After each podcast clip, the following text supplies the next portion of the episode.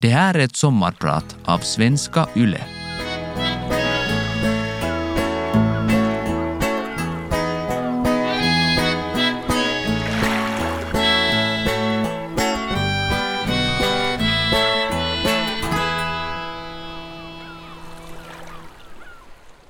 Hur är det att undersöka sexualbrott? Hur är det att förhöra offer, barn, vittnen eller spendera dag efter dag och vecka efter vecka med de misstänkta? På tu man hand, på mitt rum eller i deras cell? Blir man inte förbannad eller ledsen? Vad tänker jag när jag till exempel plockar ner någon som förruttnat i sin egen hängsnara? Eller följer med obduktionen på den knivhuggna frun? Eller identifierar den förkolnade uteliggaren som bara en månad tidigare bjudit mig på kaffe i sin vinterkoja? Vad känner jag när jag berättar för föräldrar om att deras barn gått bort? Hur gör man? Ja, vad kände jag? Jag fick ofta dessa frågor i mitt tidigare jobb som polis, men jag kunde aldrig svara särdeles trovärdigt, för jag kände aldrig liksom någonting speciellt. Det kändes väldigt lugnt och naturligt. En känsla av kontroll. En känsla av att jag kan hjälpa och jag vet vad jag kan. Ja, det var nu som det var. Däremot minns jag väldigt klart och tydligt hur det kändes den natten jag i våldsrotens jourbil berättade för min kollega att jag kommer att säga upp mig. Jag ska säga upp mig för jag ska bli musiker på heltid och tillsammans med mina vänner erövra världen med vårt band Fork. Idén var fullständigt idiotisk. Jag hade precis blivit pappa till min första son och nu skulle jag säga upp mig från mitt barndoms drömyrke. Jag var livrädd och hade ingen aning om vad jag sysslade med. Men jag hade tydligen en dröm om att bli rockstjärna. Jag är Kasper Ramström och jag är din sommarpratare idag. Jag växte upp i Bodoms vackra skogar. Mina kära föräldrar som till vardags arbetade som polis och banktjänsteman fungerade också som någon slags gårdskarlar åt en familj som byggt sitt eget sommarparadis uppe på ett berg vid Bodom träsk i Esbo. Högst uppe på berget fanns den otroligt vackra huvudbyggnaden med utsikt över sjön. Huvudbyggnaden hette Röda Holk eftersom den hade röda fönsterluckor. I slutningen bredvid Röda Holk låg gäststugan Blåa Holk med sommarblommor målade på de blåa dörrarnas speglar och det fantastiska biblioteket i nedre våningen med den stora öppna spisen av skiffersten. Så vitt jag minns stod huset mer eller mindre alltid tomt och jag kunde smyga in där så ofta jag ville. Inte för böckernas skull, utan för den speciella, lite spöklika, ensamma stämning som jag tyckte det tomma, vackra huset hade. Och precis bredvid Blåa Holk låg det stora vedtaket och gamla tantens eget jordgubbsmuseum. Ja, det var så hon själv, Eva, ville kalla det. En liten, liten stuga med ett litet, litet bord och två små, små stolar och allting inrett i jordgubbstema. Från mattan till tekopparna till gardinerna och saftglasen. Ja, det var som om Elsa Beskow själv var i farten. En bit längs gårdsvägen låg vårt hus, Vita Holk. Och där uppe på berget mellan alla holkarna låg en verkstad, garage, vedlidret och ett virkesförråd. Backen från Gunnarsvägen upp till oss var så brant att man oftast inte kunde köra upp där med bil på vintern. Uppe på berget i dalen bakom Röda Holk fanns den lilla trädgården, men på andra sidan landsvägen, nere vid stranden, fanns den stora trädgården med strandbastun, sandstranden och bryggan. Här i dessa trädgårdar spenderar jag och min syster otaliga timmar i barndomen med att så och skörda allt en köksträdgård kan ge så det skulle räcka över vintern. De enorma mängderna av jordgubbar, hallon, potatis och diverse olika vinbär orsakar för en lång tid i mitt liv en rätt oromantiserad bild av trädgårdsarbete, men det har till all tur börjat lätta nu. Ja, det var ett paradis för en liten pojke. Det fanns gott om träd och stup att både klättra upp i och falla ned ifrån. Och det fanns berg och vatten att springa och simma i. Och det mesta av naturen tog jag mig an med min egen BMX-cykel som vi köpt från Albergas Maximarket. Det var en väldigt viktig butik i mitt liv. Där köpte jag alla mina första skivor och den första lönen jag själv förtjänade ihop gjorde jag mig av med precis samma dag i samma affär. Jag köpte en frisbee, en fiskhov och en amerikansk fotboll. När jag fyllde 13 fick jag en moped, men med explicit förbud att köra någon annanstans än i skog och mark. Och så gjorde jag. Klättrade, cyklade och sprang och körde runt omkring i skogarna. Och när tekniken svek hade jag då en egen verkstad med svets och allt att fixa grejer och lösa problem i. Och när det inte fanns något att fixa använde jag verkstaden till att utveckla metoder att undersöka innanmäte i golfbollar som flutit i land i hundratal från vattenrangen vid golfbanan på motsatta stranden. Jag lär forska i det på 80-talet så exotiska kokosnötternas skals motståndskraft mot skruvstäd. Alltid hoppfullt suktande efter den magiska kokosmjölken från tropikerna. Att vänja sig vid besvikelsen över denna grå vätskas fadda smak är säkert lika lärorikt som att lära sig att godta de krossade förhoppningarna om att den utlovade björksaven skulle vara söt och god. Ja, vi som var vana med tuttifrutti isglass varje torsdag och söndag från butiksbilen, ja, vi hade mycket svårt att svälja föräldrarnas romantiserade beskrivning av björksavens söta härlighet. Som om inte allt detta var nog med Bullerby för en liten pöjk så hade vi dessutom sommarställe ute i Nagu.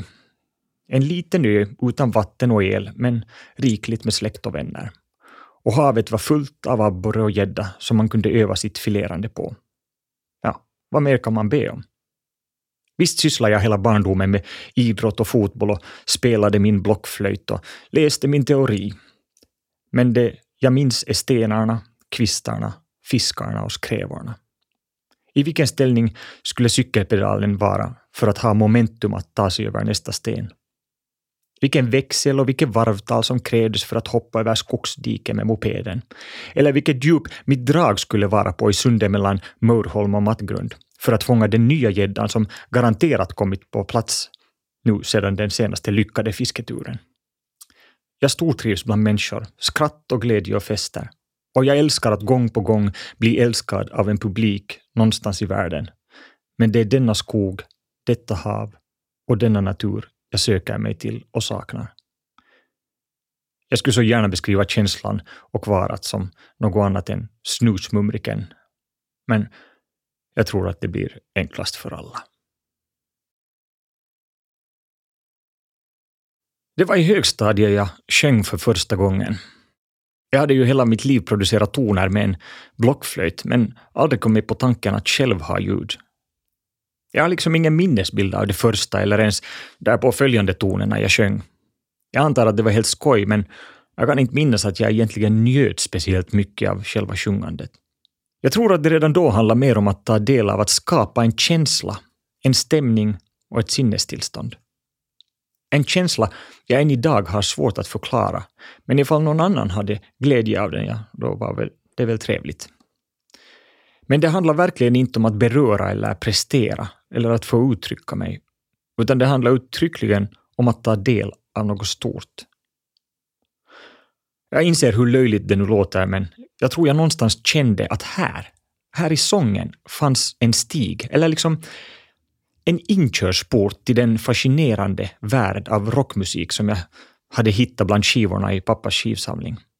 Som barn lyssnade jag, och jag lyssnar fortfarande, på precis all sorts musik, men jag minns att speciellt de spännande skivkonvoluten och den fantastiska råa styrkan i allt vad 70-talets jazz och rock hade att erbjuda kändes som något mycket fascinerande och sjungandet tycktes liksom öppna portarna till denna värld. Ja, åtminstone stod det rätt klart att blockflöjten inte skulle fixa denna utfärd. Jag hade som så många andra små pojkar alltid drömt om att bli polis som min pappa.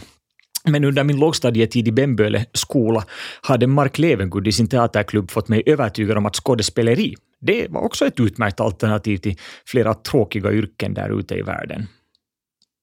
Under gymnasietiden fick jag vara med i tv-serien 16 och pröva på både musik och skådespeleri. Men olikt många av mina kollegor i projektet kände jag nog ändå inte att denna värld skulle bli min framtid.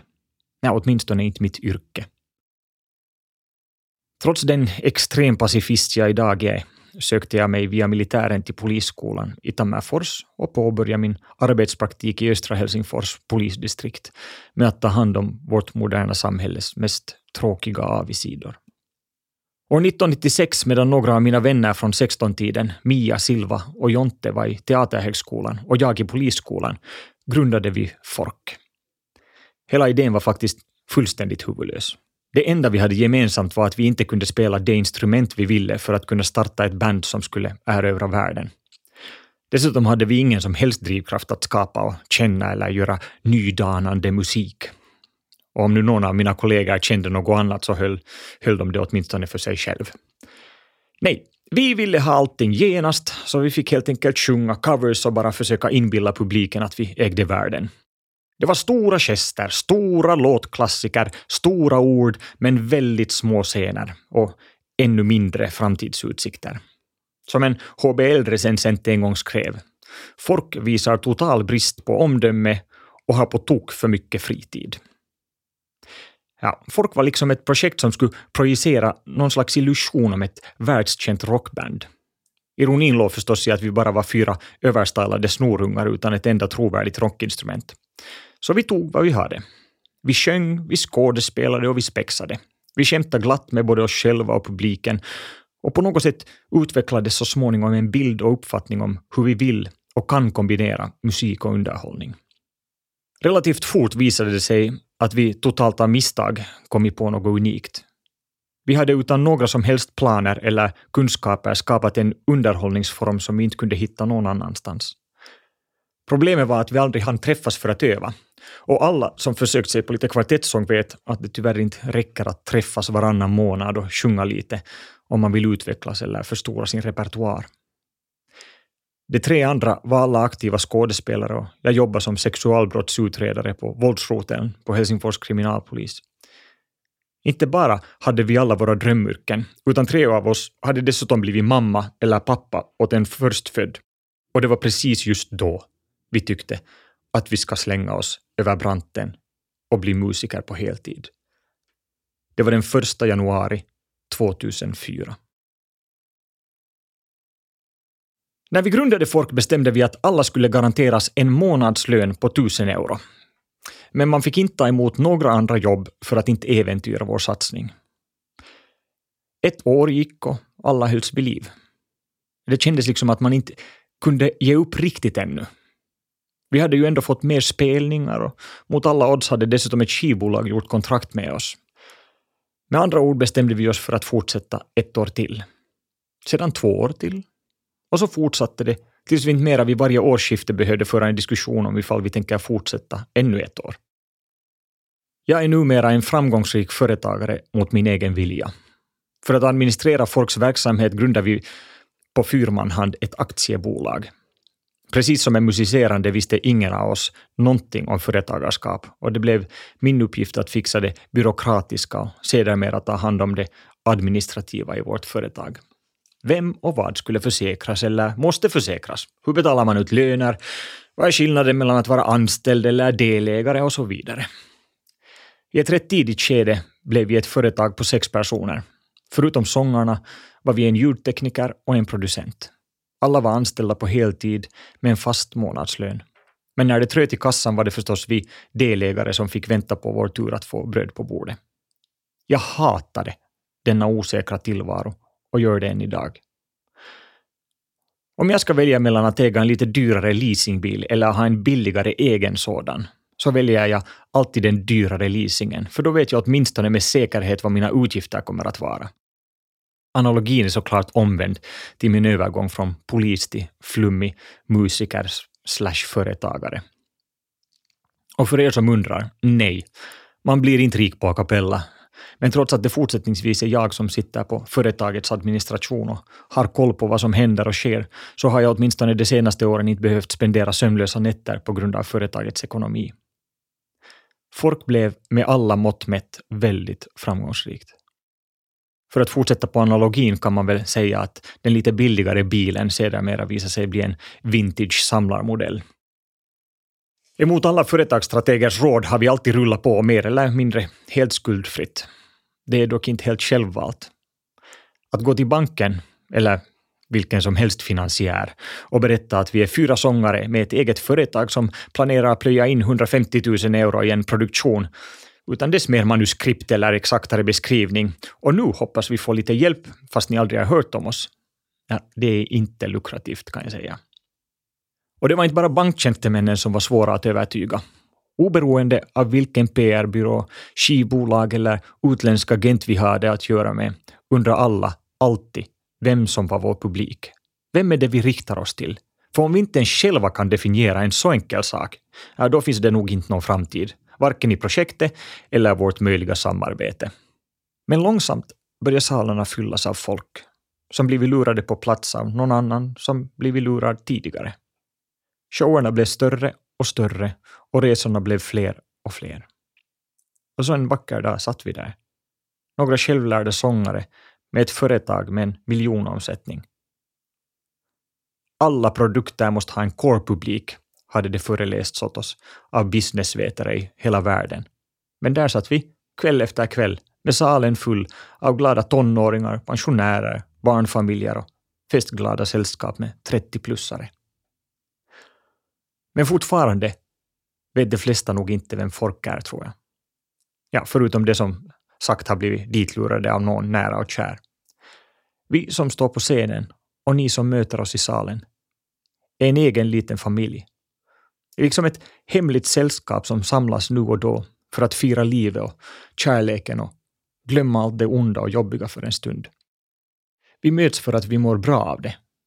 Inte för att vi har läst om denna grupp som står och sjunger covers blandat med någon slags hemlaga stand-up och så en massa blinkande ljus och snygga kläder. Som ni hör, det hela var omöjligt att marknadsföra. Och är det fortfarande.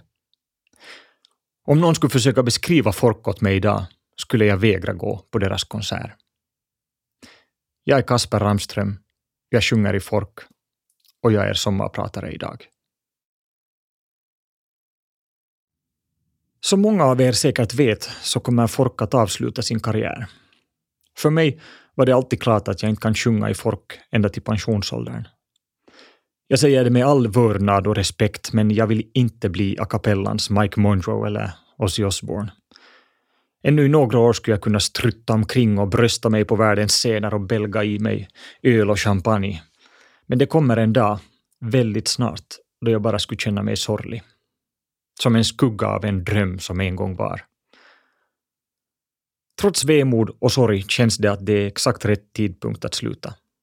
Att själva kunna säga att vi nått toppen och nu vill ta ett ordentligt farväl känns väldigt skönt. Sagt och gjort. Vi bokade alltså en avskedsturné som skulle gå av stapeln våren 2020 och skulle få sin kulmen i en stor avskedskonsert i maj. Men coronan kom i vägen.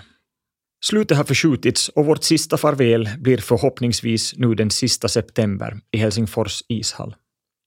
Men med ett slut i sikte är det alltså dags att fundera på resten av livet. I ärlighetens namn är det väl just funderingar kring det, resten av livet, som fått oss att avsluta vår vackra historia. Jag har ingen aning om vad jag ska göra, men jag drömmer om en anställning som skogsvakt för Forststyrelsen. Eller kanske ett eget häststall med hyresverksamhet.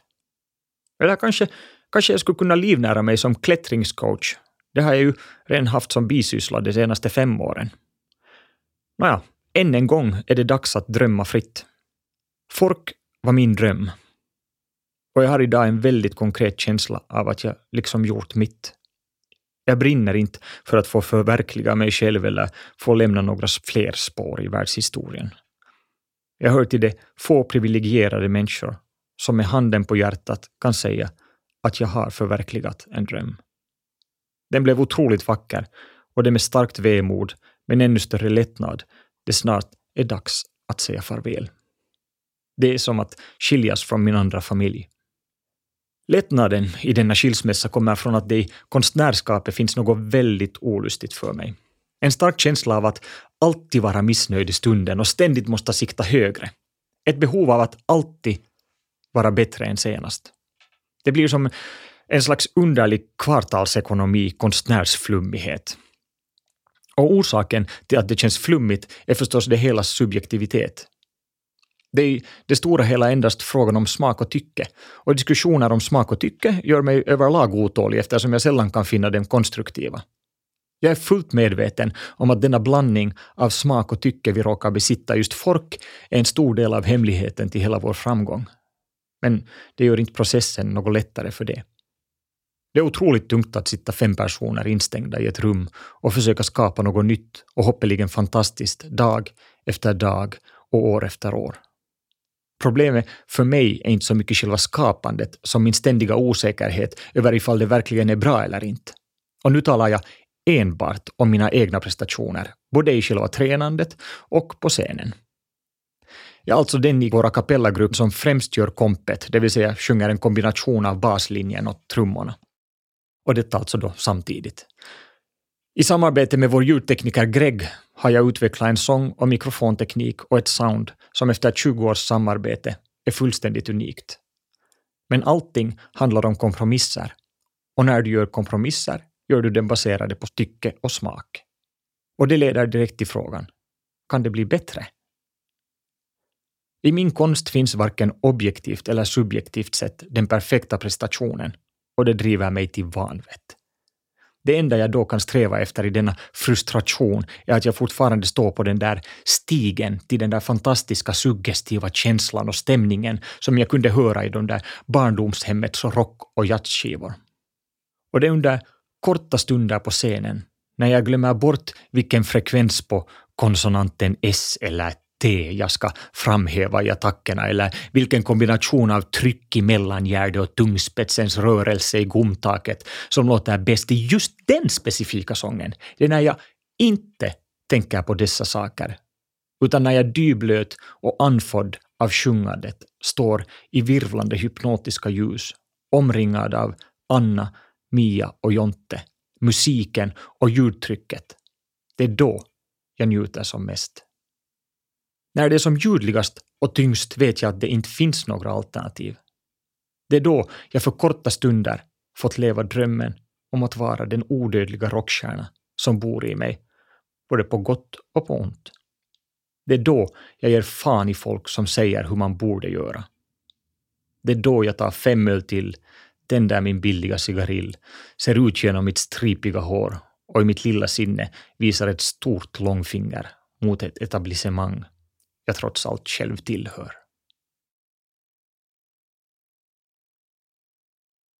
Jag har alltid tänkt att en dag måste jag in i politiken.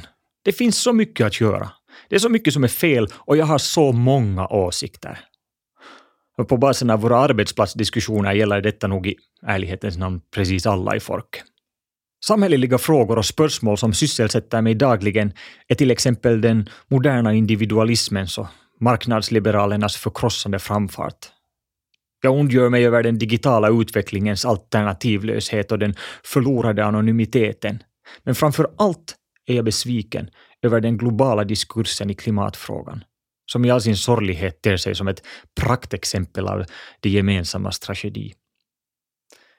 Nu, när det äntligen skulle vara dags, nu när jag kanske skulle kunna tala ut och ta del i den samhälleliga diskussionen, märker jag att jag inte mer är intresserad. Och då är det inte intresse för frågeställningarna som har svalnat, utan intresse för att ta del av samhällsdebatten som den ser ut idag. Det politiska klimatet har i efterdyningarna av den digitaliserade världen blivit en fars utan like. Jag vet att dagens politiker i både regering och opposition gärna påstår att det inte är så.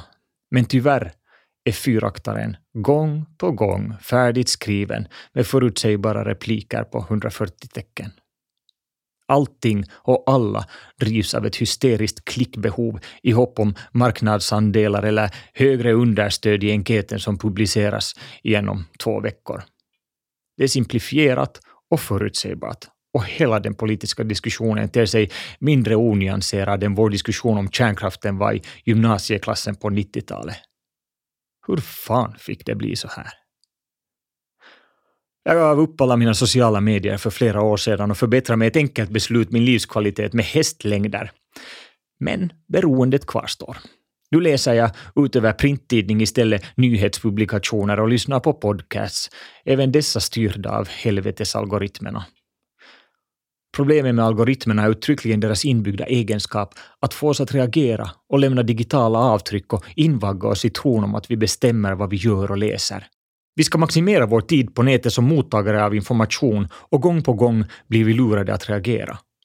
Som berusade sitter vi fastnaglade i ett ständigt informationsflöde, bombarderade och fullständigt beroende av nya impulser oförmögna att hitta det som finns i den blinda vinkeln. En gång i dygnet meddelar sedan maskinen, som en gång kallades för telefon, att jag idag spenderar tre timmar och 35 minuter vid dess skärm. Jag hatar min telefon och min dator. De är som parasiter som äter sig in i mitt inre och gör mig till en viljelös myra i en allt fulare värld. Jag är helt övertygad om att krisen som en dag ska ena oss inte kommer att vara klimatet, finanskriser eller pandemier, utan det kommer att bli Orwells dystopi om ett övervakningssamhälle. Och det har vi drivits in i eller låtit oss bli indrivna i av marknadsekonomiska effektivitetsskäl. Tänk om man skulle kunna vara Pentti Linkola, ärligt jämlik med resten av naturen. Ens för en vecka. Men varje gång jag skriker och härjar över detta får jag oförstående blickar och höra att jag inte förstår eller är för gammal. Fattar jag inte hur mycket bra digitaliseringen fört med sig? Jag ger upp och håller med. Vem fan är jag att säga och tycka? Och så scrollar jag mig långsamt fram till soffan och konjaken. Sedan jag skrev det förra stycket har Pentti Linkola gått bort. Jag tror inte att någon annan i världshistorien varit så hatad och samtidigt älskad för sitt obevekliga mantra om människans utbytbarhet. Han orkar livet ut påminna oss alla om mänsklighetens ansvar gentemot resten av naturen. Inte för att vi faktiskt kan göra någonting, utan för att vi är en jämlik del av naturen som vilket som helst annat djur. Inget mer, inget mindre. Och att godta denna extrema men faktiskt väldigt självklara jämlikhet, just detta inget mer, inget mindre, ter sig omöjligt för oss moderna människor. Visst var han en naturfundamentalist och det var han fullt öppen med. Men ingen annan har som Linkola påmint oss lika smärtsamt, år efter år, om vår handfallenhet inför de idiotier vi själva ställt till med. Han var dessutom i hela sitt liv redo att göra det med sitt eget rykte som insats. En politisk omöjlighet under hans livstid, men än mer i dagens värld. Jag tänker att det är denna gnagande oro om vår otillräcklighet som mest av allt formar oss människor idag. Och nu talar jag inte mera endast om vårt förhållande till naturen, utan till hela vår tillvaro. Vårt supereffektiverade samhällsbygge har fått oss välmående småborgare att tro att vi har kontroll. Vi har med vår takeaway cappuccino och bärbara dator distanserat oss så totalt från verkligheten. Att det bara är när den stundvis tränger sig på i sina oönskade former som vi märker att vi inte har den i våra egna händer. Vi blir rädda, mår illa och i vår desperation och depression försöker vi greppa tag om kontrollen om och om igen med en uppdatering, en Excel-tabell, kanske en diet, nya kläder eller en karantän. Det vi återfår är förstås inte kontrollen, men i dess chimär däremot kanske en kortvarig sinnesro, som dock krackelerar inför nästa påhälsning av verkligheten. Lite sinnesro med insikt om alltings förgänglighet tror jag är någonting vi alla skulle må bra av. Att kunna ta verkligheten med snusmumrikens saktmod och kärlek tror jag är en allt viktigare samhällskunskap. Detta saktmod är absolut inte att förväxlas med ignorans eller intellektuell lättja, utan jag är bara helt övertygad om att det är lättare att förhålla sig konstruktivt i framtiden om man inte är rädd för att dö hela tiden. Hur man nu sedan uppnår detta är ju förstås lättare sagt än gjort och det finns säkert lika många tillvägagångssätt som det finns aspiranter. Själv har jag som en liten sexpunkters kom ihåg-lista jag följer i vardagen. Så här låter min lista. 1. Påminn ständigt dig själv om att det alltid finns ett större perspektiv. 2. Lyssna och lär. Men tro inte att det är sanning om det du inte råkar vara fågelsång. 3. Det där med sanning, där i punkt två, gäller även dig själv. Ifrågasätt alltid din egen åsikt. 4. Maximera din tid i solnedgångar. 5. Inget är heligt. Och till sist, punkt 6. Om jag ens funderar på saken är det högst antagligen lämpligt med ett glas champagne. Jag har under de senaste åren märkt att det finns en massa musik och konst som väcker oerhört starka känslor i mig. Många av de låtar som jag spelar i detta program är såklart av dem. Med mina två fantastiska tonårssöner har vi en tradition att lyssna på lite tyngre musik i bilen då min kära fru inte är närvarande. Jag kan säga väldigt mycket gott om henne och hon är imponerande uthållig även när valet av musik inte riktigt faller henne i smaken. Men hennes intresse för den lite tyngre musiken, eller fusionsjazz för den delen, är kanske lite begränsad. Nåja, för många år sedan satt vi alltså då i bilen med pojkarna och lyssnade på någonting som de flesta säkert skulle beskriva som en vanlig sketen rocklåt. Och I ärlighetens namn så tänkte jag inte så mycket högre om låten själv heller. Plötsligt kom jag att tänka på en historia relaterad till låten och skulle börja berätta den åt pojkarna. Men då fick jag en stor klump i halsen och tårarna började rinna. Jag samlade mig en stund för att börja på nytt, men det gick inte. Varje gång jag skulle säga något fick jag en klump i halsen och ögonen fylldes med tårar. Så jag fick helt enkelt vara tyst och utgå ifrån att det var en oförklarlig engångshändelse. Jag var inte särdeles intresserad av varför jag reagerade så, utan lät det nu bara bli en intressant inblick i det omedvetna. Men detta hade kommit för att stanna. Det här hände flera gånger och jag började känna igen situationerna när detta skulle ske. Något år senare fick jag äntligen biljetter till mitt favoritbands Arrival Sons konsert på Tavastia i Helsingfors. Jag hade inte sett dem tidigare så mina förväntningar var rätt höga. Eh, jag gick ensam och var på plats i god tid för att köpa mig ett stop och ställa mig vid mixerbordet som den ljudnörd som jag är. Tavastia var fullpackat med ålderstigna män som hade kommit för att se denna unga reinkarnation av 70-talets bästa rockmusik. Skickliga som få och med en ofattbar känsla för just den där rätta känslan. När konserten skulle börja kom deras mixare spatserande genom salen med tre burkar öl i famnen. Med stripigt långt hår och en rätt tilltagen ölmage ställde sig denna 60-åring bakom mixerbordet. Han la ifrån sig sina ölburkar och ur fickan grävde han fram en första generationens iPod. En sån där, ni minns en sån där stor fyrkantig grej med en svartvit skärm. Den kopplade han sedan in i bordet. Han började söka igenom sitt bibliotek och när han hittade vad han hade sökt vred han upp mastervolymen och ut ur högtalarna skrek plötsligt ACDC's Thunderstruck. Och inte bara liksom lite från början av låten, som ett litet intro, utan precis hela låten. I fullt mörker, till sista ton och på full volym. Under de sista takterna ser man Rival Sons gå fram till sina instrument och där Thunderstruck tar slut tänds ljusen på scenen och huset exploderar.